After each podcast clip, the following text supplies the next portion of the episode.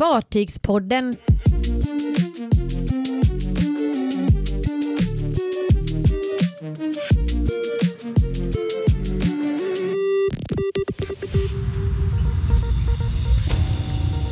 Vasaskeppets systerfartyg är funnet. MSC World Europa är levererad. Och gamla Stockholm är nära att bli skrot.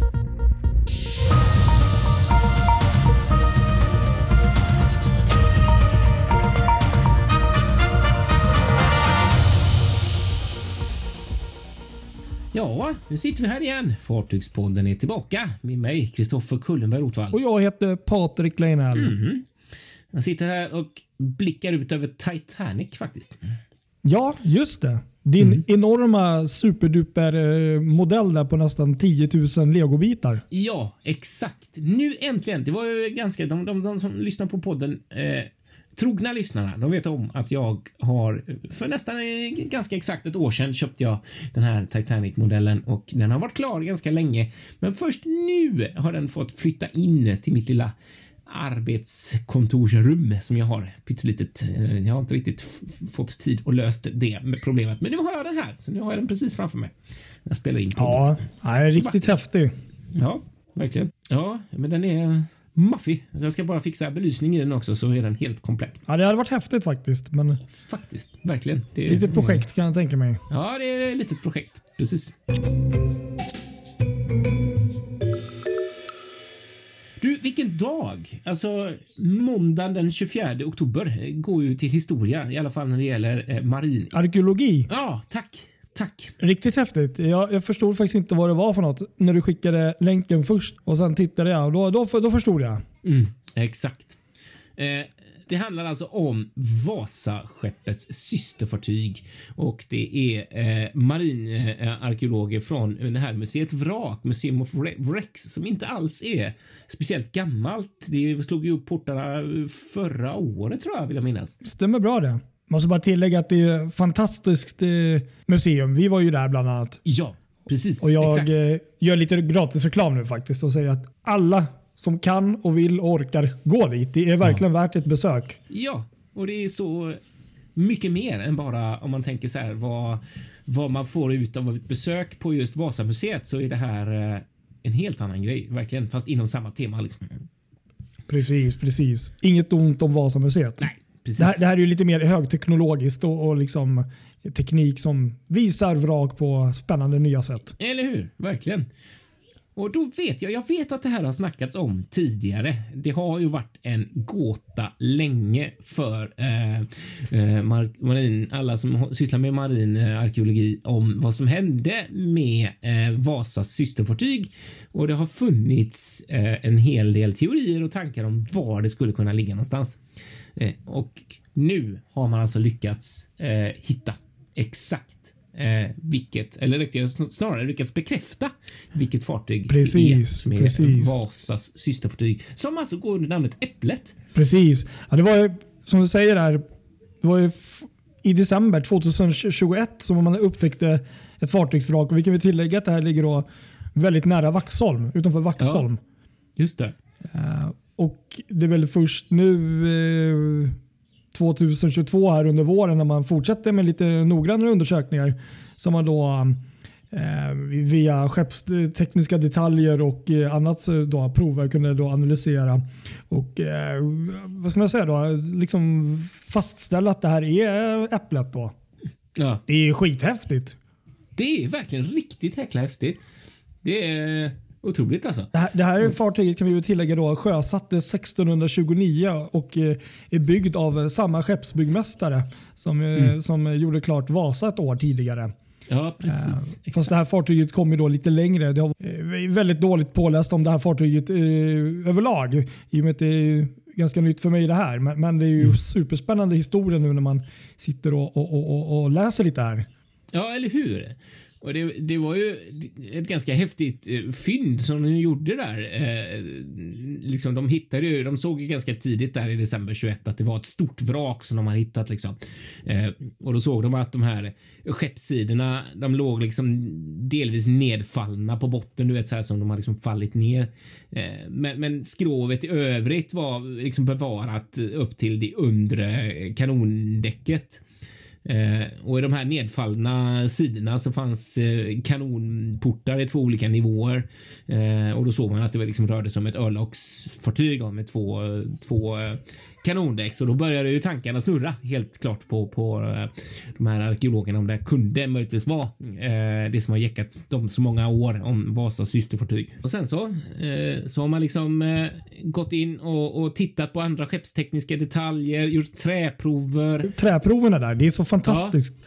Att de kunde liksom datera det till att eh, skeppsvirket hade då huggits 1627 i Mälardalen. Ja, på samma precis. plats där Vasavirket eh, höggs något år tidigare. Eller hur? Och då märker det ju sens. Då fattar man ju att saker och ting hänger ihop här. Liksom. Det är ett jäkla pussel alltså. Det är ju inte så lätt. Det är ju inte så att det bara är att dyka ner och så ser man, ah, där står det äpplet. Utan det, nej, det är ju... nej, men precis. Um, nej, jag tycker det är superhäftigt och, och ehm, som sagt, vi är ju inte i närheten av någon typ av eh, regalskeppsexperter här på podden, men, men det är superroligt och eh, som sagt, det här museet, eh, ehm, det kan vi också tillägga att på onsdag eh, den här veckan klockan sex eh, för de som vill eh, kan vi ta sig till museet Vrak där då. För då ska de ha ett press, mm, ja, någon typ av presskonferens och det här kommer även sändas på deras hemsida faktiskt. Ja, oh, just det. Precis. Kan Verkligen. lägga upp en länk där. och får ni mer eh, detaljerad information om, om det de hittar. Men jag tycker det är superspännande och eh, eh ja, nej, som sagt. Eh, man kan ju tillägga så här att det var ju också Gustav II Adolf som 1625 eh, ja. skrev under ett kontrakt för att bygga två stora örlogsfartyg, Vasa och Äpplet. Då. Ja. Och så knappt ett år efter att Vasas förliste då 1628 var Äpplet färdigbyggt och eh, den som var då konstruktör var Hein Jakobsen som mm. då också föreställde Vasa där. Så att, eh... ja, det är så kul också för det här har ju som sagt jäckat många gånger. Redan 2019 så hittade man två eh, vrak vid Vaxholm mm. eh, som man redan då trodde skulle kunna vara Äpplet. Jag kommer men, faktiskt men, ihåg det när, när ja, det blev nyhet. precis, exakt, verkligen. Men, men sen så då när man har undersökt de här eh, vraken så visar det sig att det istället var två andra fartyg på medelstora skepp från 1648 vid namn eh, Apollo och Maria. Maria. Just det. Eh, så att det var inte äpplet här, men man fortsatte att leta och eh, kruxet är att man måste ha med sig marinen i, i arbetet. Man kan liksom inte dyka överallt på vissa vatten är ju känsliga av olika förklarliga skäl. Eh, så att därför eh, måste man ha marinen med sig i detta eh, när, man på, när den här typen av verksamhet pågår. Och nu så har liksom detta kunnat ge frukt. Lite ironiskt sagt kanske. Eh, ett äpple helt enkelt är hittat. Det här museet är ju fantastiskt och jag kan bara tänka mig att det, kommer, det här kommer det är en stor sensation också så det här kommer ju både för dem och även skulle jag nog säga för Vasamuseet där att eh, ge ja, mycket spännande information lång tid framöver. Ja, men det är också det är så här, man blir alltid så här. Hur kommer det sig att fartyget fanns i, i eller finns på eller vraket finns just där? Eh, men den, den förklaring man kan få är väl just att 1630 när Sverige gick in i, i det 30-åriga kriget så fanns eh, så fanns äpplet med i den armada som seglade till, till Tyskland. Men sen, sen efter det så fanns det liksom inte någon roll för fartyget. Och 1658 så, så dömdes hon ut och sänktes i eh, Vaxholm, vid Vaxholm. Och det man ska komma ihåg är att många av de fartyg av den här typen, man vet ganska väl var de ligger för de användes som för att liksom eh, göra en fördämning eller man ska säga fördämma igen eh, för fienden så att fienden inte kunde komma in vid trånga passager och sådär. Så att det finns ju på många ställen vrak som mer eller mindre är staplade på varandra så att det kan ju vara på ett sånt ställe som det här fyndet har gjort. Men det är också så här typiskt för vrak eh, i det här pressmeddelandet som gått ut. De är rätt förtegna med vilken plats eh, exakt som, som det här fartyget ligger på och det kan man mycket väl förstå för att nu får man verkligen hoppas att, att det får lov att vara i fred här så att det inte kommer massa obehöriga och dyker på, på vraket för att plocka massa eh, delar av det så att få vara i fred ordentligt här. Fa- Fartyget fick ju ändå 29 år i tjänst och det är ju betydligt längre än vad Vasaskeppet fick. Så det, Ja, så blir det spännande att följa sen vad, vad som görs med det. Det, är ju, det, är ju inte, det kommer ju nog inte bli ett nytt Vasa, ett äpplemuseum. Det tror man ju inte, utan det här. Det klassiska numera är ju att arkeologerna vill låta saker ligga kvar där de hittades för att det bevaras bäst liksom i eh, i det skick som det är. Ja. Så vi får väl se vad som händer. Men det kommer ju säkert bli. De kommer ju säkert ta upp någonting. Liksom. ja, det blir säkert någon häftig utställning där på Ja, museerna. någon kanonport eller sånt där hade varit häftigt att se. Ja, ska vi gå vidare då till andra ännu mycket lite modernare och större fartyg? Ja, vi ska faktiskt eh, ända bort till eh, Chantiers de Atlantique-varvet som idag, det var pompa och ståt för, för eh, rederiet MEC då, Cruises. Ja, just det. Äntligen, äntligen idag så hände det som så många har väntat på. Inte minst eh, rederiets ägare. Då. De fick ta emot eh, MEC World Europa som då levererades till rederiet. då. Ah, det var leveransdag idag. Det Liksom. var leveransdag idag ja. Wow. Coolt. Och eh, Det som är lite unikt då, lite speciellt är att det här är faktiskt eh, 20 fartyget för flottan. Wow, Och coolt. dessutom första LNG-drivna fartyget det. för flottan. Ehm, jag tror att den här nya Uribia som kommer nästa år Ja. eh, blir nästa LNG-drivna eh, fartyg om jag inte minns fel. ja, det kan nog stämma. Ja. Så det här är det första då och dessutom så är de, eh, har de då en, en viss teknik där då, att de har eh, förberedande eller en viss typ av eh, bränslecellsteknik. Eh, jag har inte riktigt förstått om de har det eller om de har förberedande. Det ju kunna bli som en att förbereda sig för att kunna använda det om det sen blir standard och att man går över till det. Så det blir lite som en hybrid liksom. Ja, vad coolt. För det har de. Det är ju samma som på Icon of the Seas där. De eh, håller ju på och ska ha bränsleceller där också. Det pratade vi om i förra avsnittet. Precis, och de är faktiskt eh, en av de första, om inte första, då, att införa bränslecellsteknik. Faktiskt. För det kommer jag ihåg att de gick ut med tidigare också.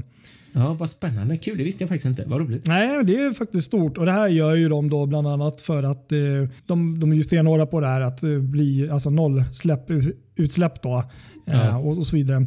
Eh, och Sen kan vi faktiskt tillägga också att det här är faktiskt eh, det största byggda någonsin, alltså fartyget för en europeisk redare. Ah, just det. Det är ju många spännande aspekter med det här, men, men fantastiskt fartyg det lilla jag har sett. Och, och eh, Vi kan ju prata mycket mer om det här fartyget, men, jag tror vi, vi håller lite på det. för det, det kommer finnas möjlighet för mer längre fram. Ja, just det. Men- Spännande. Vi ska tillägga en sak till också. Ja, vadå?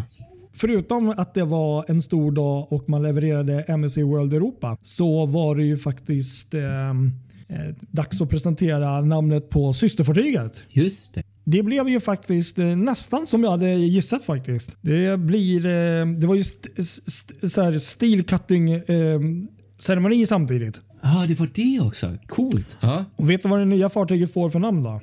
Nej, det måste vara någon annan världsdel då. Ja, och jag tror faktiskt att jag nästan sa det här till er på skämt lite tidigare i veckan och det blir ju då MSC World America. Ja, såklart. För då är du Karibien hemma där. Ja, Precis. och det här fartyget ska då um, gå då i, i Nordamerika är ju tanken. Då. Så att frågan är om det blir MSC World Asia nästa gång kanske. Frågan är om det ens just nu Nej, inte känns nu känns det jätte Nej. så. Nej, det kan jag hålla med om. Nu, nu snackar vi några år framåt där. Ja, det gör vi verkligen. Precis. Nej, ja. så det, det, det var lite häftigt. ja, det var coolt. Vad häftigt, vad roligt. Här har man verkligen fått veta något nytt där. Ja. Om, om den. Är det bestämt hur många de ska bygga då? Om jag inte minns fel så är det i alla fall tre stycken i nuläget. Ja, Ehm, sen är ju frågan om de kommer göra som med tidigare två eh, klasser. Om det kommer sen möjligen komma en plusmodell även på de här. Det vet jag inte. tänk om det gör det. Ja, ska vi gå vidare med det som är världens äldsta kryssningsfartyg? Ja, Ja. Jo, det finns ett fartyg som heter Astoria nämligen. ja just ett det. kryssningsfartyg som man brukar säga just nu är världens äldsta kryssningsfartyg. Som dessutom har eh, historia, svensk och i synnerhet göteborgsk historia som eh, Amerikalinjens eh, Stockholm. Ah, Eh, den klassikern, ja. som eh, var med och eller var med och sänkte Andrea Doria. Det kanske låter som att det är någon aktiv handling. Ja. Var med i olyckan helt enkelt med Andrea Doria och är liksom eh, världskänd sedan dess skulle man vilja påstå och har gått som kryssningsfartyg och har liksom den är rejält ombyggd men har ändå levt ett liv. Eh, men när pandemin kom så gick ju det rederiet som hade henne senast i konkurs. Det var ett brittiskt rederi. Eh, CMB vill jag minnas, har för mig att det var de som hade den. Eh, och sen dess har fartyget legat upplagt i Rotterdam. Och det har funnits en massa tankar om vad som skulle hända och det fanns funnits jättemycket intresse om att försöka rädda eh, gamla Stockholm på olika sätt. Det var inte några som skulle köpa henne och sånt. Ja, precis. Det fanns massa olika projekt och lite sånt där. Men nu ser det tyvärr ytterst, ytterst mörkt ut. Eh, för eh, nu är det så att, att eh, fartyget, det har kommit en nyhet här om, om från, från en brittisk tidning om att fartyget kan vara på väg att sk- skrotas som det första fartyget som skrotas på ett nyetablerat skrotningsvarv i Inch Green i, i eh, England. Det finns ett kontrakt som är Ja, skrivet det var här nu. lite ovanligt för, för sakens skull att det händer i England och inte i Ja, exakt. Turkiet eller i typ Indien. Exakt, exakt. Så att, eh, och där ligger ett ställe som heter Green Rock då. Så att, eh, ja, nej, det är tråkigt för alla som är lite nostalgiker där sådär att det är ett, eh, att det ser ut som att det ska kunna bli så här för detta fartyg. Men eh, så är, så är nog planen där för denna 76-åriga dam tyvärr. Fartyget har ändå varit med länge så att det- känns tråkigt men ändå kanske mer okej. Ja, eller hur? Och jag menar, var sak har sin tid lite grann. Mm. Och flottan behöver föryngras. Jag menar, det här är ju en rejäl föryn- föryngring när ett fartyg som är 76 år plötsligt försvinner. det är nästan så att det påverkar snittet liksom. Mm. Ja, verkligen. Eh, det har hänt grejer i veckan också med kryssningssäsongen i Stockholm. Den tog slut va? Ja, precis. Den 22 oktober så var det sista anlöpet där eh, av Aida, som, eh, ja, Aida Diva tror jag det var, som var sista fartyget för i år. Och eh, sammanlagt så har 205 anlöp skett här under kryssningssäsongen och 247 000 passagerare har besökt Stockholm. Vilket är en eh, fördubbling av ökningen då av, av antalet då från förra året. Vilket Mm. har ju sina orsaker också. Jag tänkte säga det, vi är inte ens nära de siffrorna före pandemin eh, som Stockholm hade. Och, och, och jag tror att eh, av de här 205 så skulle vi haft ungefär 300 eller om inte precis strax över egentligen innan också det här eh, hemska kriget eh, mot Ukraina började. Eh, Ja. Som också gjorde att många drog sig ur eh, och Ja, flyttade precis. på sina fartyg. Eller hur? Verkligen. Precis så. Precis Det som har varit lite kul med det här året har ju varit att 18 av anlöpen av, av helt nya fartyg. Då.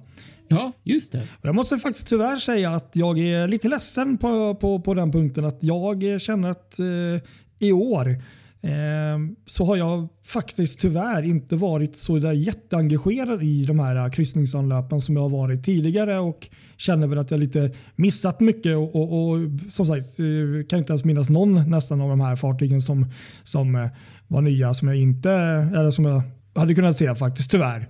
Ja, så är det ibland. Men eh, så var det. mm. Ja, Ja. nej men så. Ja, vi har, jag kan bara tillägga och säga att vi här i Göteborg, här frodas säsongen en, fortfarande. Vi har eh, ett anlöp av Aidia Sol nu 20, 29 oktober här som kommer. Sen så är det faktiskt ett anlöp till eh, i november här av Aidia Sol och sen så kommer ju lite december. Fyra decemberanlöp av eh, Mindshift 3, Amera, Balmoral. Ja. Eh, Så att några, än är inte säsongen över i Göteborg. Ja, ska vi vara nöjda med detta då? Jag tror det. Så säger vi som vi brukar. Följ oss på våra sociala medier. och eh, ja, Jag kan tänka mig att nästa vecka så har vi nog väldigt mycket att prata om. Det tror jag också. Det avsnittet nästa vecka kommer bli något i hästväg. Ja, Jag skulle vilja påstå att det blir världens bästa avsnitt faktiskt. kan bli. Kan bli. Ja. Vi Stay eh, kommer antagligen att... Eh, ja, ni kommer säkert se vad det är för något innan till och med. Vi, vi, det kommer säkert bilder. ja, det kan bli så. Precis. Exakt. Ja. Ha det gott alla. Ha det bra allihop så hörs vi. Hej då!